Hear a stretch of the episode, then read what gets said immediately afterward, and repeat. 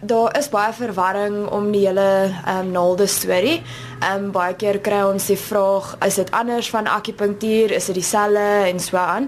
Akupunktuur is basies gebaseer op meer oosterse medisyne.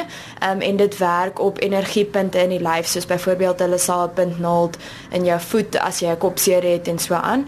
Ehm um, waar as ehm um, die droë naalde sit ons direk in die spier waar die spasma is en dan soek ons basies vir ehm um, wat ons noem 'n local twitch response wat 'n klein kontraksie van die spier is en dan ontspan hy daarna. Hoekom word dit gebruik in plaas van om net die spier uit te vryf met jou hande en met die krag wat jy as mens het? So een van die groot redes is omdat ons baie dieper in die lyf kan behandel. Ehm um, so as ons met ons hande behandel, moet ons deur baie sagte weefsel gaan en baie bindweefsel en so aan. So vir party mense, ehm um, veral met die dieper spiere in die lyf, is dit ehm um, baie meer effektief. Dit is nou die gebruik van naalde. Watse ander tegnologie maak julle gebruik? Vertel ons bietjie meer. Okay, so ehm um, daai masjien het ons gewoonlik 'n kombinasie masjien. Ehm um, dit is dan in interferensie en ultraklank saam.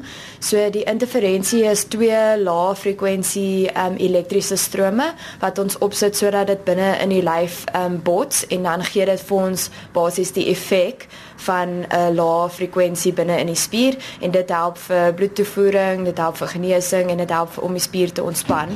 En dan die ander ding is die ultraklank. Op die oomblik is die navorsing so bietjie hier en daar met die ultraklank. So dit ons het dit in die verlede gebruik baie vir tendons en dit was om die inflammasie minder te maak. Maar wat dit op die oomblik begin wys, die navorsing is dat tendinitis nie soveel meer inflammasie is nie en dat dit eintlik meer seldegenerasie is. So die ultraklank maak eintlik die selmetabolisme vinniger. So dit mag dalk nadelig vir dit wees. So miskien in die toekoms gaan ons dit verander, maar ja. Is daar nog ander spesifieke tegnologie behalwe hierdie twee waarvan jy nou gepraat het? Ehm um, in Suid-Afrika gebruik ons net 'n paar van hulle, maar meestal omdat daar nie soveel navorsing is vir alles nie. Ehm um, die ander ding wat jy dalk sal sien is uh, shockwave terapie. So dit word gebruik vir ehm um, ook vir tendons maar al baie jy weet baie degeneratiewe tendons wat al lank seer is en so aan. So wat dit basies doen is dis baie kort hoë energiegolwe wat in die tissue ingaan en eintlik ehm um, soek ons dat dit daai bindweefsel en goed afbreek.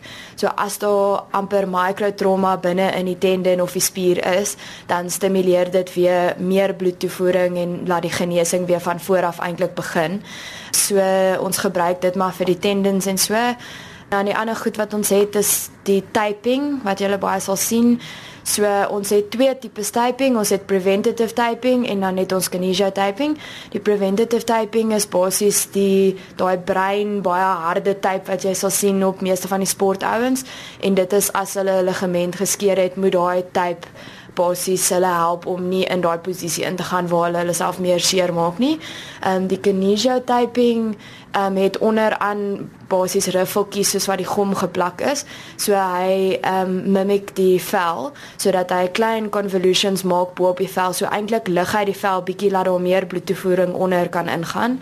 Ehm um, en dan dit obviously gee vir ons spierontspanning en dan ehm um, genesing so.